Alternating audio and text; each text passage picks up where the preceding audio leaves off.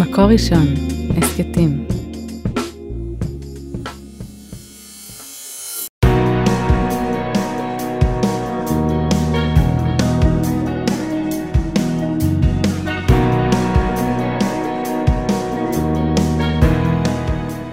שלום הרבנית חמוטל שובל. שלום הרבנית שירה מרילי מירביס. פרשת לך לך. וואו, איזה פרשה. מלאת נושאים. אז יש פה בפרשת לך לך המון המון נושאים. אברהם ההולך הנצחי הולך, כי נאמר לו לך לך, ואחרי זה הוא יורד למצרים, הוא נפרד מלוט, אחיין שלו. יש את מלחמת ארבעת המלכים בחמישה, אולי מלחמת העולם הראשונה, ברית בין הבתרים והולדת ישמעאל. אז בוא נדבר שנייה על התנועה הראשונה, על הלך לך הזה. אמ, אנחנו שואבות הרבה השראה מהרב ריסקין, שהרב ריסקין נראה לי הוא אחד האנשים שכשאני אומרת לך לך, ישר דמותו קופצת לי לראש, כי הוא בחייו פשוט עשה לך לך, נכון? הוא לקח את הקהילה שלו, הם גרו בניו יורק, והוא פשוט לקח את הקהילה שלו ועבר לגור בארץ ישראל, הקים את אפרת והיה הרב של אפרת. והוא עדיין אה, דמות השראה, וגם שתינו מתייעצות איתו. ואני זוכרת שאני גדלתי באפרת מגיל שנה, וזו הייתה דמות מופתית, כי כשהוא בא ואמר לקהילה שלו, עולים לארץ, אמרו לו, על מה אתה מדבר? והוא הצליח לסחוף אותם. זאת אומרת, הוא הצליח להעלות קהילה שלמה, הם הגיעו לאפרת, הם לא האמינו מה הם רואים, פחות או יותר... אה, כלום. כלום. הר טרשים קרח. כן, ו... ולא היה שום דבר. הוא אמר להם, אנחנו נבנה קהילה, אנחנו נבנה עיר, היה לו חזון.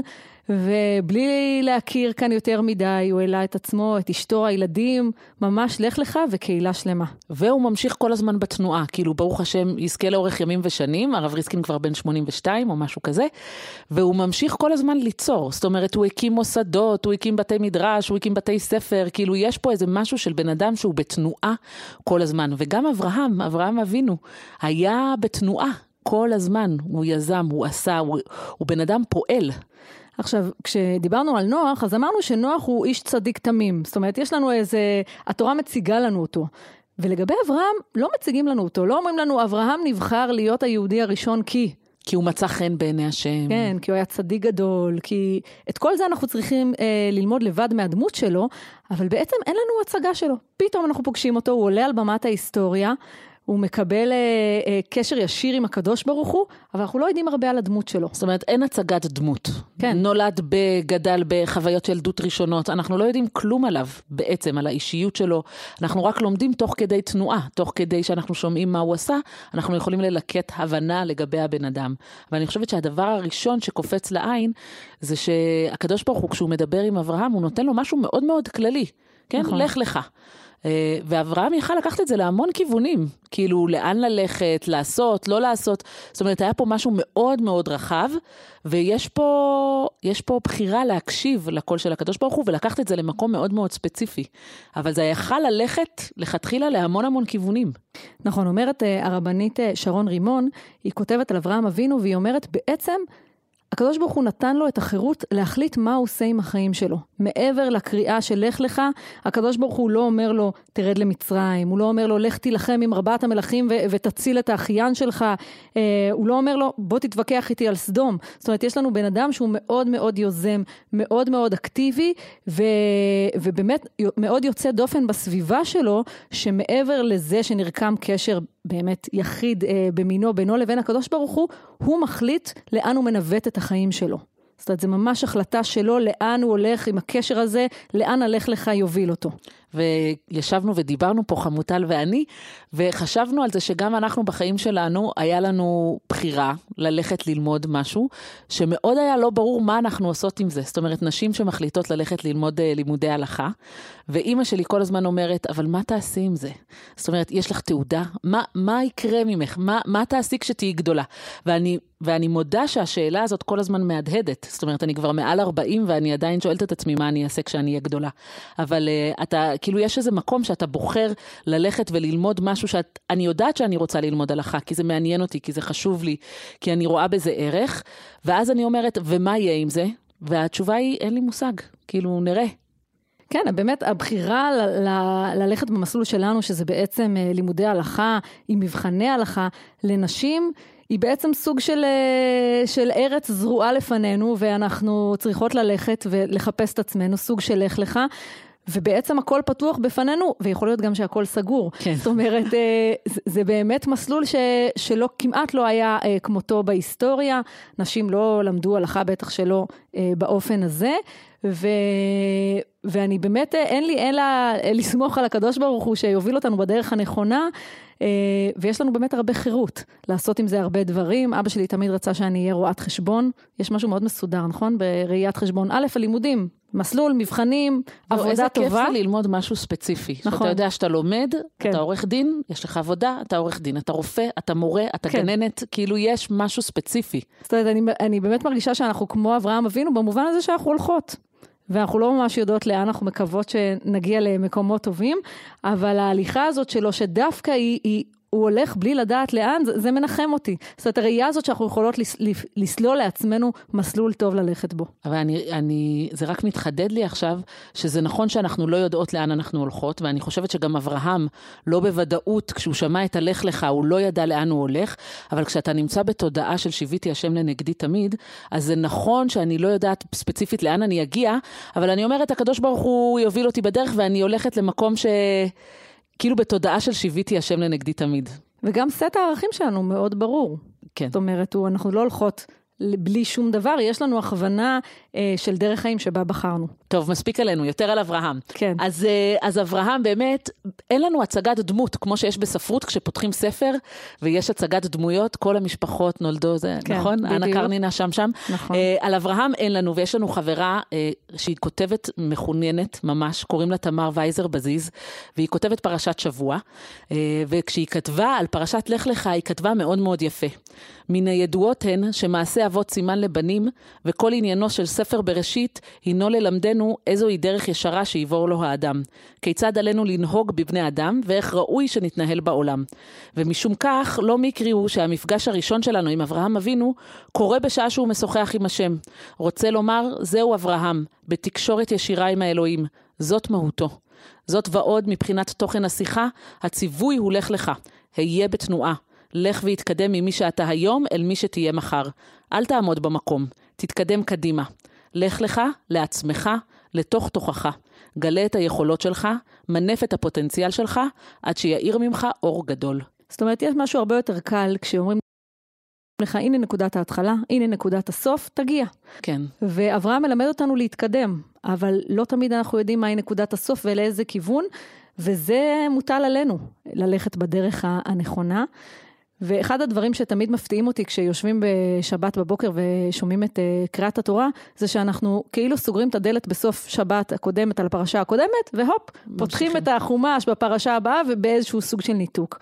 ודווקא לך לך, אחד הדברים שאנשים uh, הרבה פעמים לא שמים לב, זה שאברהם התחיל ללכת כבר בפרשה הקודמת. ולא רק שהוא התחיל ללכת כבר בפרשה הקודמת, הוא הלך עם אבא שלו. כן. זאת אומרת, זה נכון שהקדוש ברוך הוא אמר לו, לך לך, אבל ההליכה התחילה קודם. ואנחנו בפרשת שבוע יושבים בבית כנסת ושומעים, וואו, לך לך, והליכה. אבל בעצם הוא ממשיך ללכת פה. הוא הלך כבר לפני הציווי. והרב אילי עופרן אומר על זה משהו מאוד מאוד מעניין. הוא אומר שאת ההליכה ארצה התחיל כבר אביו של אברהם, תרח. וכשאברהם מקבל את הציווי, הוא באמצע הדרך. זאת אומרת שאברהם הוא גם חדשן, והוא גם היהודי הראשון, ומגלה את הקדוש ברוך הוא ומדבר איתו, אבל הוא גם ממשיך את המסורת. זאת אומרת, במובן מסוים הוא לא רק מהפכן וחדשן, אלא הוא משמר את המורשת. תרח אמר לו, נתחיל ללכת, הוא ממשיך ללכת עם הציווי, הוא לא מנתק את הקשרים עם העבר, הוא לא חותך ואומר, זהו, אני עכשיו אדם חדש, לא אכפת לי מה ההורים שלי עשו, זה מאוד מאוד חשוב לי לשמר את זה, ובד בבד להמציא את עצמי מחדש ולראות לאן תוביל אותי הדרך. ואולי אם אמרנו שספר בראשית הוא מעשה אבות סימן לבנים, גם זה צריך להיות מעשה אבות אולי סימן גם לבנות. כן. זאת אומרת, אולי הדרך ליצור משהו חדש בעולם, זה לא לבעוט במה שהיה קודם. זאת אומרת, לא חייבים לנפץ את הקודם כדי להמשיך הלאה. אפשר ללכת ביחד עם ההורים שלנו, עם המסורת שלנו, להמשיך את המסורת הזאת, וביחד עם המסורת הזאת לראות איפה אנחנו מצליחות ליצור את הדרך שלנו במקום הזה. אני מאוד, מאוד חשוב לי איפה מקומם של נשים בעבודת השם ובבית כנסת, וזה נושאים שמאוד מאוד מעסיקים אותי. אבל uh, פעם בכמה שבועות כשאני נוסעת ל- להורים של רונן לשבת, אני מתפלל דווקא בבית כנסת פרסי, שנמצא אצלם uh, ליד הבית, שלמדתי מאוד לאהוב לאורך השנים, והוא שונה מכל מה שהייתי רוצה לאחל לנשים בתפילה. הנשים יושבות למעלה בבית הכנסת, ויש להם צורות מאוד מאוד מסוימות לאיך הם מתפללים ומה הם עושים. וכשהגעתי לשם בהתחלה היה לי נורא קשה עם זה. מה זאת אומרת? למה... אני לא רואה, אני לא שומעת. אני לא רואה, אני לא שומעת, אה, משהו מאוד, אה, זאת אומרת, מאוד חיצוני לתפילה. ועם השנים, א', התרגלתי לנוסח, אני אשכנזייה והיה קשה לי להבין. ואת מתפללת בפרסית כן, עכשיו? כן, ומה קורה שם. וב', פתאום למדתי להבין שיש שם תקשורת מאוד מעניינת בין המרפסת של אנשים למעלה לבין אה, החזן למטה.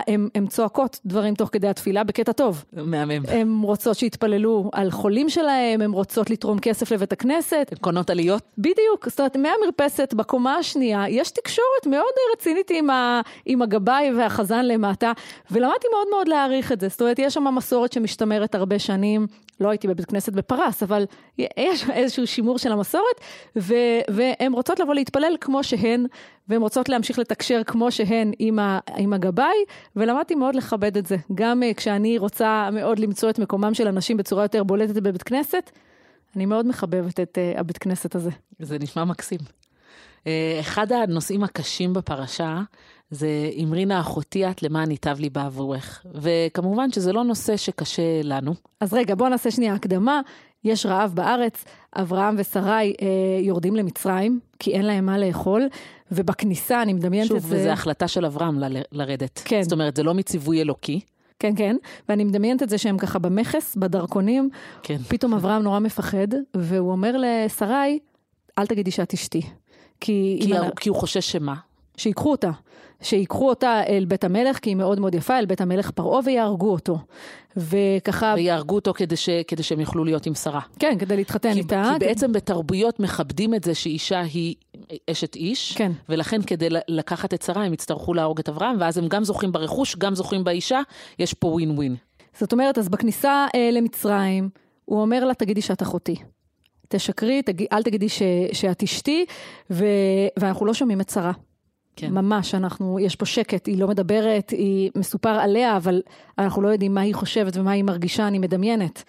את הפחד והלחץ של שניהם, דרך אגב. בטח. סיטואציה נוראית. אני חושבת שזו החלטה קשה. בכל מקרה זו החלטה קשה, אתה לא יודע מה יהיה עם זה. כן, כאילו, אברהם מפחד על החיים שלו, הוא גם מפחד עליה, היא בטח מאוד מאוד מפחדת. גם עליו וגם עליה. וברגע שהם מגיעים למצרים, היא נלקחת אה, לארמון המלך פרעה, כמו שאברהם אה, חזה שיקרה, וזה מורכב, הסיטואציה הזוגית הזאת. זה מורכב, וכל הפרשנים מתייחסים לבחירה שאברהם עשה, אה, לומר לשרה שבעצם היא אחותו ולא אשתו. וכותב הרמב"ן, דע כי אברהם אבינו חטא חטא גדול בשגגה. שהביא אשתו הצדקת במכשול עוון מפני פחדו פן יהרגוהו. עכשיו, אני באמת חושבת שאם הרמב"ן לא היה כותב את זה ככה, אנחנו לא היינו יכולות לומר את זה ככה. אבל אנחנו אומרות, הרמב"ן מבטא פה משהו שכשאנחנו קוראות את הפסוקים קשה לנו, ואנחנו אומרות, הנה, יש פה פרשן ש, ששם את הקושי על השולחן, והוא אומר, הוא ניסה לעשות טוב, אברהם, אבל היה פה משהו בשגגה שהוא לא התכוון, אבל זה יצא לו לא כל כך מוצלח, בגלל שהוא פחד שיהרגו אותו, והוא בעצם שלח את שרה למקום שהוא של סכנה. ממשיך הרמב"ן ואומר, היה לו לבטוח בהשם שיציל אותו. זאת אומרת, אתה בכזה קשר קרוב עם הקדוש ברוך הוא, אתה רואה את הכוחות שלו, אתה האדם היחיד בעולם שמכיר בו. אז, אז ת, ת, תתפלל, תפנה לקדוש ברוך הוא, תסמוך עליו שהוא יוציא אותך מהעסק ביש הזה, או מהרעב, או מהסיטואציה המורכבת בכניסה למצרים, אה, וזה מאוד מאוד מורכב. הרמב"ן, אני חושבת, אבל הוא קושר את הפחד של אברהם, שזה שהקדוש ברוך הוא לא יציל אותו מפה, כי אולי יש לו ספקות בקשר ליציאה שלו מהארץ. זאת אומרת, היה רעב בארץ, ואברהם בחר לקחת את המשפחה שלו ולרדת למצרים, כן. ואולי זה ההחלטה הראשונית הלא נכונה שאברהם עשה. והרמב"ן אומר, אולי שמה מתחיל החטא. כן. ולכן יכול להיות שבסיטואציה כשהם הגיעו למעבר גבול הזה, אברהם אמר, רגע, אם החלטתי לא נכון לרדת מהארץ, מה הסיכוי שהקדוש ברוך הוא יציל אותנו עכשיו, כשאנחנו עומדים פה? אולי כל השרשרת התנהלות הזאת היא לא נכונה. נכון. ולכן הפחד הוא מאוד גדול. מאוד מאוד מורכב, הרב יהושע שפירא כותב על זה, ובעצם אומר שהסיפור הזה של אברהם ושרה שמגיעים אה, מול פרעה מלך מצרים, זאת אומרת, זה סיפור פרוטוטייפ שצריך ללוות אותנו בכל הדורות. זאת אומרת, בכל הדורות יהיו לנו מצבים כאלה מורכבים, שהמשפחה שלנו תהיה בסכנה, שיהיה לנו איום חיצוני כמו רעב, כמו מלחמה, אה, כמו שבי, ובעצם זה צריך אה, ללמד אותנו חוסן נפשי, להתמודד עם הדבר הזה, והוא אפילו אומר, זה אפילו רמז לאסתר. זאת אומרת, הפרוטוטייפ של אישה יהודייה ששבויה בבית המלך הזר וצריכה כוחות להתמודד, זה מה שאנחנו צריכים להוציא מהסיפור הזה. את הכוח הזה של העמידה הזאת, שאני רק מול יכולה... מול הגויים, כן. מול המלכים, מול ה... העניין הזה שלא להגיד, לא, לא לדבר על הזהות, זאת אומרת, הוא, אה, אברהם אומר לשרה, תגידי שאת אחותי, ובהקבלה אסתר לא אומרת שהיא יהודייה.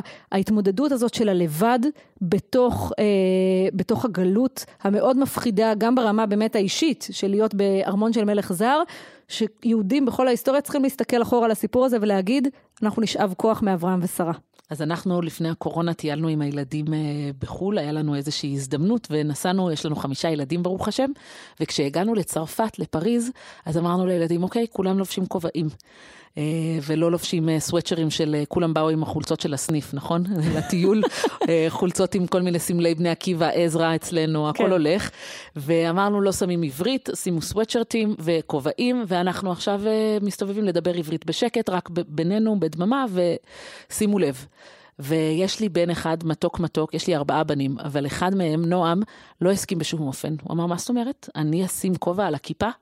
לא, אין פה שום עניין. עכשיו, הוא באמת לא הסכים, ודיברנו על זה, ו- ו- ולא היה מצב לשכנע אותו, הוא אומר, אין מצב, אני לא מסתיר את הכיפה שלי, אני לא מסתיר uh, את מי שאני, אני...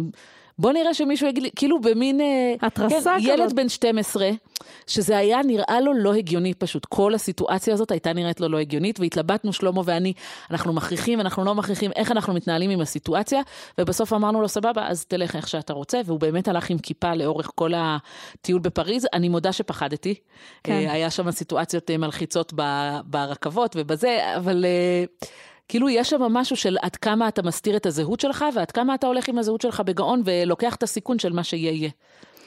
עכשיו, אמ, פרשנות מאוד מעניינת לסיפור הזה, שדווקא הייתה לי הכי פחות אינטואיטיבית, אבל מאוד מעניינת. דוקטור משה מאיר אומר שבניגוד למה שאנחנו חושבים, כשאברהם אומר לשרה, תגידי שאת אחותי, הוא בעצם אומר, אני קשור אלייך יותר, זאת אומרת, יש לנו קשר דם. את לא אשתי, את אחותי. שאברהם מאוד חשוב לו להציל בני משפחה שלו, כמו שהוא רוצה... אה, כמו הולך, לוט. כמו לוט, הוא הולך אחר כך להציל את לוט. והוא אומר, המשמעות של אמרינה אחותי את, זה לא פחות מאשתי ואני מפקיר אותך, אלא הפוך, הקשר שלך, והוא אומר, אני מבין את, ה, אה, את המילה בעבורך, ש...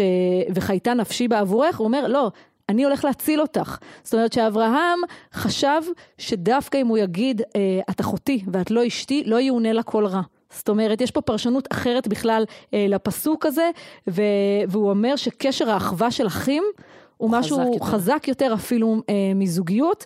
לא יודעת. אה... אני חושבת שבגלל זה הרמב"ן כותב שהוא חטא בשגגה. זאת אומרת, ברור לי שהכוונה של אברהם הייתה לטובה, זה לא ממש. לא שאברהם רצה לזרוק אותה לכלבים ולהגיד, לא אכפת לי מה קורה איתך, העיקר כן. שאני לא אמות. כן. אלא כן היה פה מחשבה גם לנסות להציל אותה. השאלה אם בפועל זה, זה עבד. כאילו, אם זה... אבל הנה, בפועל, בפועל הקדוש ברוך הוא אה, כן. הציל אותם. נכון. אבל... זאת אומרת, אז העניין הזה של להגיד אחותי, יכול להיות שבסוף... זה כן, אה, זה כן הציל אותה בסופו של דבר, כי אברהם כן אה, שמעו עליו כבר והוא היה אדם חשוב, והקשר הזה, יכול להיות שהוא הציל את שרה. אבל זה גרם לה להתמודדות לא פשוטה לשרה, כן. בבית פרעה. זאת אומרת, היה לזה מחיר, ואני חושבת שבגלל זה הרמב"ן אומר שזה היה חטא, אבל זה היה חטא בשגגה. זאת אומרת, הכוונה של אברהם הייתה לנסות להציל גם אותו, גם אותה, מתוך דאגה לשניהם. אבל היה פה משהו שהוא היה בעייתי.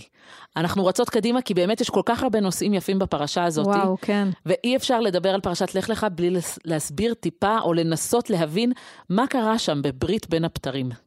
נכון, אה, אברהם אה, הולך לישון, תרדמה נופלת עליו ויש שם חושך גדול, או רגע, שאולי הוא לא ישן. רגע, אבל לפני שהוא הולך לישון, כן. אז הוא לוקח אה, בהמות וחיות ועופות וחותך אותם לשתיים. כן, יש פה משהו מאוד ציורי וגם מוזר נורא. טקסי. כן. ואש. ויורד הלילה, והאש עוברת בין הפתרים, בין החתיכות כן. של החיות, ואברהם ישן. כן, ואז אה, הקדוש ברוך הוא מבטיח לו, אה, ידוע תדע כי גר יהיה זרעך בארץ לא להם, נותן לו איזושהי הצצה אל העתיד, אל מה שיהיה עם הילדים שלו ועם העם אה, שייווצר מהמשפחה שלו, והרבה הבטחות לעתיד, אבל הטקס הזה הוא מאוד מורכב, והפרשנים יושבים ואומרים, מה קורה כאן? מה הולך פה? ולמה עם... צריך את זה? זאת אומרת, אין, אנחנו מכירים להקריב בעלי חיים, את זה אנחנו מכירים. כן. למה צריך לחתוך את החיות לשתיים ולעבור ביניהם? אה, ולמה וש... הקדוש ברוך הוא לא הסתפק בדיבור? כן. זאת אומרת, אם אתה מדבר עם למה זה אברהם... לא נבואה רגילה? בדיוק, למה צריך את הטקס, את המעבר הזה, את המשהו המאוד מאוד ציורי הזה עם הציפור, ומאוד מורכב. אז אני חושבת שאם נתחיל מהסוף, שצריך את הטקס, זה הרבה יותר משאיר רושם. כן. זאת אומרת, על אברהם. תחשבי שאברהם, אין לו ילדים כרגע, הוא נשוי, אין לו מדינה, אין לו כלום, ובעצם הקדוש ברוך הוא מבטיח לו תמונת... ש, שנשמעת דמיונית לחלוטין לחיים שלו, וכדי שהוא יאמין, או כדי שהוא יחווה את זה לרגע, הוא צריך לחוות את זה. זה לא יכול להיות רק בשכל, רק דיבור, אלא הוא צריך לחוות את זה כחוויה כלל חושית. יש פה חושך, ויש פה אש, ויש פה תרדמה, ויש פה חיות מתות, כאילו יש פה משהו שהוא מאוד מאוד עוצמתי וחזק. וביחס לחיות עצמם, המהר"ל מביא רעיון שאני מאוד מאוד אוהבת, המהר"ל בגור אריגר, רש"י גם מתייחס אליו. המהר"ל מביא, אה, והוא בעצם מצביע על זה שלכרות ברית זה שתי מילים הפוכות. אנחנו כורתים עץ, נכון? כן. אה, עונש כרת זה עונש שאנחנו נותנים כדי לצאת לחלוטין, חס וחלילה, מעם ישראל. כאילו יש בכריתה, המילה של כרת זה משהו שהוא סופי, שהוא סופני, שהוא לגמרי לצאת. כן. ולעומת זאת, ברית זה משהו שהוא מחבר. זאת אומרת, יש כאן מילה שמבטאת את הפירוד הכי, הכי, הכי גדול שיש, ויש פה מילה שמבטאת את החיבור הכי גדול שיש. ובעצם אנחנו כורתים ברית. אז מה העניין לכרות ברית? ואומר המהר"ל, אה, ברגע שאתה חותך את החיות ועובר ביניהם, אתה בעצם אומר, יש פה משהו שהוא שלם, והוא עכשיו שניים, הוא עכשיו הופך להיות נפרד. ובעצם עם ישראל והקדוש ברוך הוא הם אחד שלם, שהם שניים, הם מתנהלים בשני מישורים. הקדוש ברוך הוא הוא בשמיים, והוא אחראי על העולם, והוא לא אנושי, והאנשים הם אנושיים וזמניים ו- ודם ועצמות, ויש איזשהו קשר. שהוא קשר נצחי בין שני הגורמים האלו, בין הקדוש ברוך הוא לבין עם ישראל. ובעצם הקדוש ברוך הוא אומר לאברהם בטקס הסמלי הזה, לא משנה מה יהיה בהמשך. עם ישראל יחטא ויחזור ויהיה טעויות בדרך ויהיה כעס ונריב ונשלים והכל יתגלגל במהלך ההיסטוריה, אבל תדע שאנחנו כורתים פה ברית, זאת אומרת אנחנו עושים פה חיבור שהוא יהיה חיבור נצחי. זה, זה באמת מדהים, והרד"צ צופמן, אני אגיד ככה בקיצור, הוא אומר שהחיתוך מסמל את שלושת הדורות הראשונים, את אברהם, יצחק ויעקב, שתמיד לא, יש אח שלא נבחר, שלא ממשיך להיות עם ישראל, ואחר כך בדור הבא, בדור של, הירידה למצרים והיציאה למצרים, זה כבר הדור שייבחר כולו, שכולו יהפוך להיות עם ישראל, והקדוש ברוך הוא מעולם לא יעזוב אותו. אז למרות שאנחנו היום, אני חושבת בעולם המודרני, קוראים את ברית בין הבתרים, ולא לא תמיד מבינים את כל המעמד הזה, אני חושבת שהרושם שעולה מתוכו, שלמרות החיתוך ולמרות אה, הקושי והגלות, עם ישראל נבחר כולו, הוא רושם אה, מאוד, אה, מאוד משמעותי שעולה מהפרשה ומהברית הזאת בכלל, והלוואי שנזכור את זה, שאנחנו לא לבד, גם כשנראה לנו חושך ואימה ולילה, הקדוש ברוך הוא מבטיח לנו שהוא נשאר איתנו. אפילו כשאנחנו ישנים. כן. שיהיה שבת שלום. שבת שלום. נגיד רק תודה רבה למוטי טל שהקליט אותנו, לאוהד רובינשטיין על הסאונד, ליהודית טל, יאקי אפשטיין ועדי שלם רבינוביץ' שהפיקו וערכו את השידור הזה. אפשר לשמוע את הפרק הזה שוב ובכלל את כל הפרקים בסדרה הזאת של מקור ראשון בערוץ ראשונות. חפשו גם הסכתים בסרגל למעלה או תקליטו מקור ראשון בספוטיפיי, אפל מיוזיק וגם בגוגל. נתראה בשבוע הבא. שבת שלום.